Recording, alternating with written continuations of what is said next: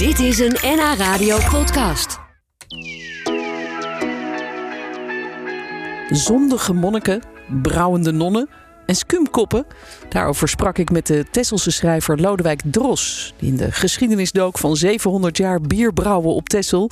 en er een mooi boekje over maakte, getiteld In Tessel gebrouwen. Om maar meteen met die zondige monniken te beginnen... wat spookte die dan allemaal uit? Die waren naar Tessel gekomen uit uh, Friesland vandaan om uh, op Texel aan zielzorg te doen en aan gebed en studie. Maar in de bronnen vind je niks over gebed en studie. Je vindt wel um, dat ze flinke innemers waren. Um, ze hebben ook polders en dijken aangelegd. Um, naar alle waarschijnlijkheid hebben ze daar ook nog wel wat kinderen achtergelaten. Wat ook niet hoort bij het uh, kloosterleven. Uh. Dus ja, er werd wel wat gezondigd. Later is de boel ook helemaal gesaneerd daar. Um, zo lang kon het niet langer. Maar ze hebben dus ook bier gemaakt. En dat is natuurlijk het, het bijzondere voor dit boek. Um, dat was niet bekend.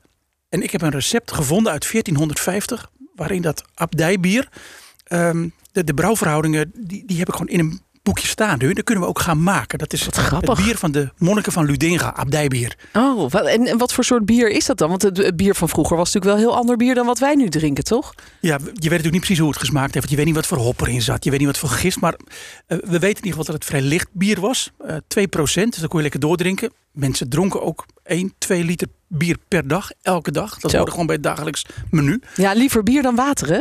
Ja, Toch? Want ja, ze dachten ja, dat water, dat was nou misschien niet zo water, betrouwbaar. Dat was voor de beesten, dat dat hele lage staat is. Je moest gewoon bier drinken. Nou, dat deden ze dus. Dat maakten ze ook zelf. Um, en dat heb ik, ik heb het ook laten maken met dat recept. Stiekem. Oh? Ja, ja, ja, we hebben het al een beetje stiekem geproefd. In, ik heb 15 flesjes gemaakt. Meer is er nog niet. Het is, um, nou ja, we gingen dat proeven op een zomeravond uh, hier in de stad, in Amsterdam. Um, ik dacht, nou ja, dat wordt wel een beetje werken. We hebben een heerlijke avond gehad en het was verrukkelijk bier. ja, hartstikke lekker. Maar waar kun je het mee vergelijken dan, dat, dat, dat oude ja, bier? Is het, is het dan iets als een, een, een trippel of een uh, dubbel? Nee, of een... het is een soort Weizenbier, zou je oh. tegenwoordig zeggen. Uh, dit is de, de tarwebier. Er zit ook haver in, dus dat, dat heeft een beetje fluwele, uh, fluwelige nasmaak.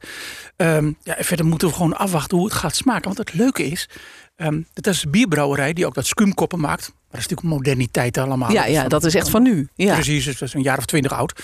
Dit is 700 jaar oud. En die brouwerij die wil nu dat, uh, dat hele oude uh, bier van die zondige monniken, dat abdijbier, uh, gaan maken. En ik, ik, nou ja, ik denk dat ik wel in het proefpanel mag zitten. Ja, ja dat zou wel leuk zijn. Ja. En jij hebt misschien de titel ook al klaar, de zondige monnik. Nou, ja, dat, dat vind is, ik een hele grappige naam voor een biertje, precies, toch? Ja, ja, hij ligt al klaar, ja. ja. Schenk maar in, zou ik zeggen. En de, en de skumkraag krijgen we erbij. Ja, ja, ja mooi. Hey, en, en, en, die geschiedenis eigenlijk van die monniken en, en al die bierbrouwers op, uh, op Texel. Want ik begrijp uit jouw boekje dat uh, daar ook door vrouwen gebrouwen werd en door boeren en, en noem maar op. Uh, die geschiedenis was eigenlijk een beetje ja, eigenlijk onbekend. Hè? Hoe, ja, helemaal. Ja, hoe, hoe ja. kan dat, dat dat, nou, dat zo vergeten was? Als je naar biergeschiedenis gaat kijken, en dat gebeurt heel veel. Je hebt bierhistorici, prachtige boeken erover. Dan kijk je naar die plaatsen waar bier gebrouwen kan zijn. In de late middeleeuwen, pak een beetje 1400, 1500, waren de steden heel machtig. En die eisten dat als je bier wilde brouwen, commercieel dan, dat je in een stad woonde. Daar kregen ze namelijk heel veel belasting van. Oh ja. de, de begroting uh, ja, die dreef ongeveer op het bier. Oh ja? Uh, dus je mocht niet brouwen als je op platteland woonde. Je moest binnen nee, de stad ja, zitten. Oh. Wel voor privégebruik, maar niet commercieel. En dat moest in een stad. En die stad moest ook nog een keer een muur hebben. Nou, weet ik wel dat Texel stadsrechten had sinds 1415, dus dat kon wel. Maar geen muur. Een muur niet, nee. Dus al die historici hebben nooit naar Texel gekeken, want er was geen stadsmuur. Of sowieso dachten ze dat ze geen stadsrecht hadden. Dat hadden ze wel. Ze hadden geen muur. Ze waren dus een uitzonderingssituatie. En wat ik dus gevonden heb, uh, heb ik gevonden omdat iedereen er van ja, langs heen keek. Want ja, waarom zou je daar gaan zoeken? Vind je toch niks? Nee, nee. Nee, en het blijkt dus een hele enorme rijke biergeschiedenis ja, te, zijn, ja. te zijn eigenlijk. Want... Ja, met Tesselse kuitbieren, uh, dobbeltbier. Dubbelbier, is... dat kennen we nog steeds. En wat is kuitbier? Um, ja, daar zit hop in. De, de, de, dat, dat was de, de, ja, het moderne bier van de 16e en 17e eeuw. Dat was een grote Nederlandse innovatie waarmee we die Duitsers gek hebben gemaakt. Waarmee we de Engelsen van hun eel hebben afgeholpen. Waarmee we de Vlamingen jaloers hebben gemaakt. dat was de Nederlandse bierinnovatie. En daar werd ook een Tesselse variant gemaakt. Tesselse kuit. Um, en nou ja, als je daar nog weer meer kruiden en meer granen in deed, dan werd het dubbelbier, zoals het heet. Dubbelbier. Uh, tegenwoordig denken we dat het bij die abdijen vandaan komt. Nou, dat hebben ook nonnen gemaakt.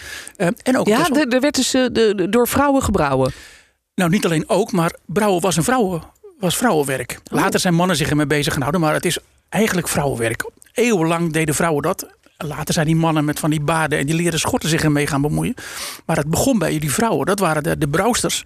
Ehm, Maar dat waren dan vrouwen die in een klooster zaten. Dat waren nonnen. Of waren dat gewoon ook boerenvrouwen die gewoon Ja, eh, in de boerderij eh, een grote ja, ton ja, hadden? op boerderijen, maar ook bij commerciële brouwerijen. Eh, en dat god, bijvoorbeeld ook in Haarlem en op Texel.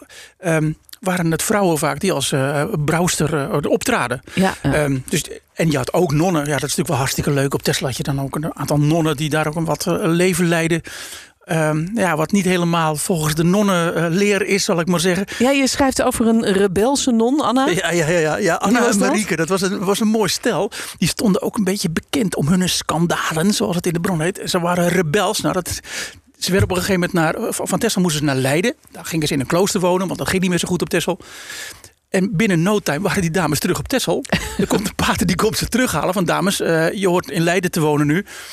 En die dames die, eh, die, eh, ja, die gaan echt niet mee. Wat blijkt, en de Tesselse bevolking steunde hen ook. eh, die hebben die eh, eh, paters ongeveer het, het eiland afgeschopt. Ehm, die dames die gingen terug naar hun kinderen.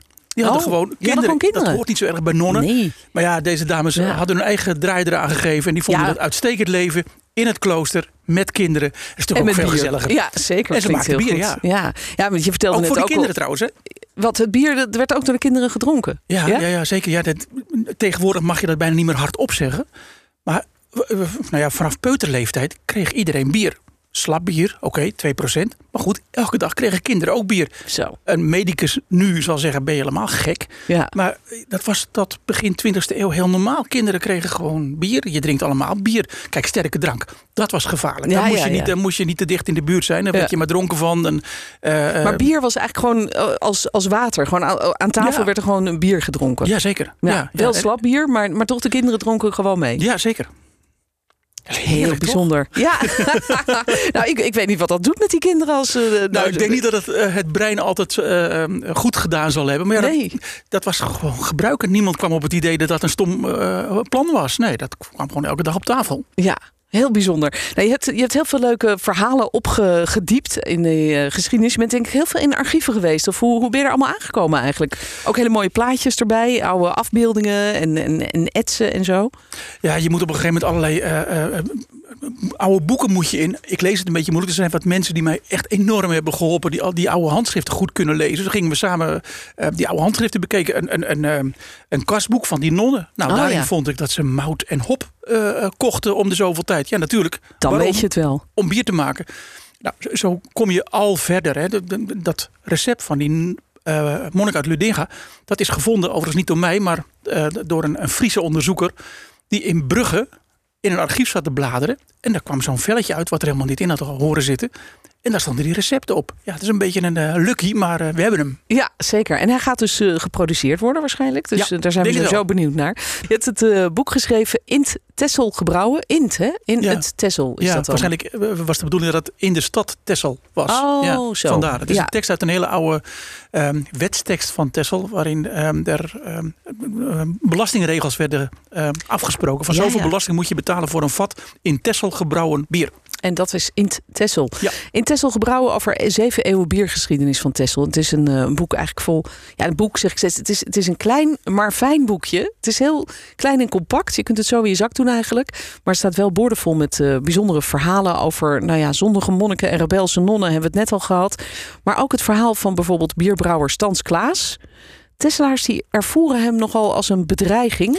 Waarom was dat? Ja, nou dat was begin 16e eeuw. Ehm, deze Stan Klaasstad was een brouwer uit Amsterdam. En dat was een, een elitaire kerel. Hij zat in de vroedschap van Amsterdam. Een soort, soort burgemeester zal ik maar zeggen. Hele machtige man dus.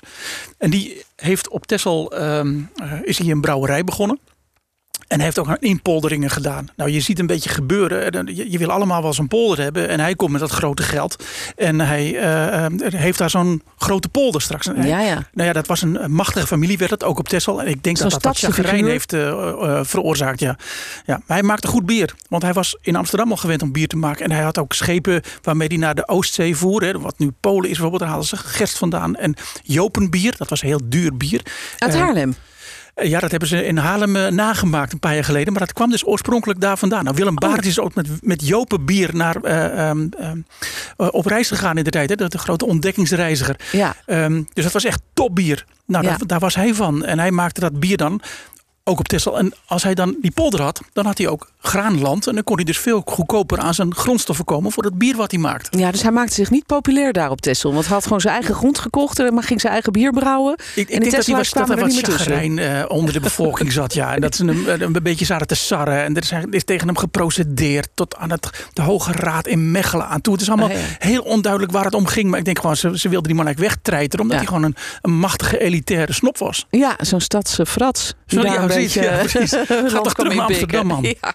En eh, er kwamen in die tijd natuurlijk ook nogal veel eh, schepen langs bij Texel. Die daar eh, een soort tussenstop maakten vanuit Amsterdam bijvoorbeeld. eh, Ja. op weg naar de oost of de west. En eh, namen die dan ook Tessels bier mee? Eh, ja, dat, dat- nee. Ze hadden dus tienduizenden liters per schip aan boord. Maar dat was voor de eerste maanden, de twee, drie maanden als ze dan naar eh, Indië gingen of naar, eh, eh, naar Zuid-Amerika. Ehm, maar dat was allemaal inderdaad al eh, aan boord gehaald als ze uit Enkhuizen of Hoorn of Amsterdam Ja, ja. waren gevaren. Maar ze lagen daar weken, soms ook maanden te wachten op goede wind. Nou, in die tussentijd moet die bemanning natuurlijk ook drinken, want anders ben je je hele voorraad al kwijt voordat Ja, je het, anker ligt. Dus ik denk dat er toen in die tussentijd, hè, met van die, van die parlevingers waren dat. Dat waren kleine eh uh, pieremogoggels, heet het in Amsterdam geloof ik. Van die kleine bootjes die Ja. dan heen en weer voeren tussen het strand en die schepen. Dat daar eh, nog aardig wat bier zo eh, verscheept is. ehm, om de bemanning te laven. eh, in afwachting van het vertrek naar eh, de Oost en de West. Ja. En het eh, eh, Zuid-Amerika. Ja, dus daar konden ze hun bier kwijt. En ook aan de Tesselaars zelf natuurlijk. Toch was er een tijd, dat schrijf je ook in het boek, dat er eigenlijk even geen brouwerij meer was op het eiland. Zo rond 1900. Ehm, maar daarna is het toch wel weer opgekomen. Want op dit moment zijn er, dat zei je aan het begin, vijf brouwerijen. Ja. En Ja. dat, dat is best veel eigenlijk, toch? Voor Ja. zo'n klein eiland. Ja, je, zegt, je ziet het in heel Nederland. Eh, dat, dat, dat, dat craft bier heet het dan, hè? dat ambachtelijke bier. eh, dat is populair geworden, zo, zo pak een beetje rond 2000. Nou, eh Texel was eerder, in 1994 begon daar een Tesselse brouwerij. Een bierbrouwerij. Die hebben toen ook skuumkoppen gemaakt. Was Ja. iets anders dan wat ze nu maken. Maar goed, de, naam is toen al eh, gevestigd. Ehm, en dat is heel populair geworden. Nou, van één eh, brouwerij kreeg je er twee, toen drie, vier. En nu heb je er vijf. Met een verschillende schaal. Eh skuumkoppen kun je in heel Nederland op de tap kopen. Ja, en er is ook zeker. een bier dat door een hele kleine brouwerij wordt gemaakt. Een nano-brouwerij Dogger. En dat is in wel geteld één café te krijgen. Nou, dat zijn ongeveer de, de, de schaalverschillen. Ja. Eh, maar het zijn wel vijf brouwers. Ja, dat is veel toch? Dat is hartstikke veel. Ja, kijk, eh, Brabant heeft een naam. Hè? Ehm, het grootste aantal brouwers per inwoner, dat is Brabant. Als je naar Texel gaat kijken, zie je dat er eh verhoudingsgewijs tien keer zoveel brouwers zijn per inwoner als dat je in Brabant hebt. Dus nou, ik noem het dan ook het eiland met de schuimkraag. Of de schuimkraag, om het even op zijn Texel te zetten. Ja, en gelukkig zijn er dus heel veel toeristen, want anders krijg je het niet opgedronken.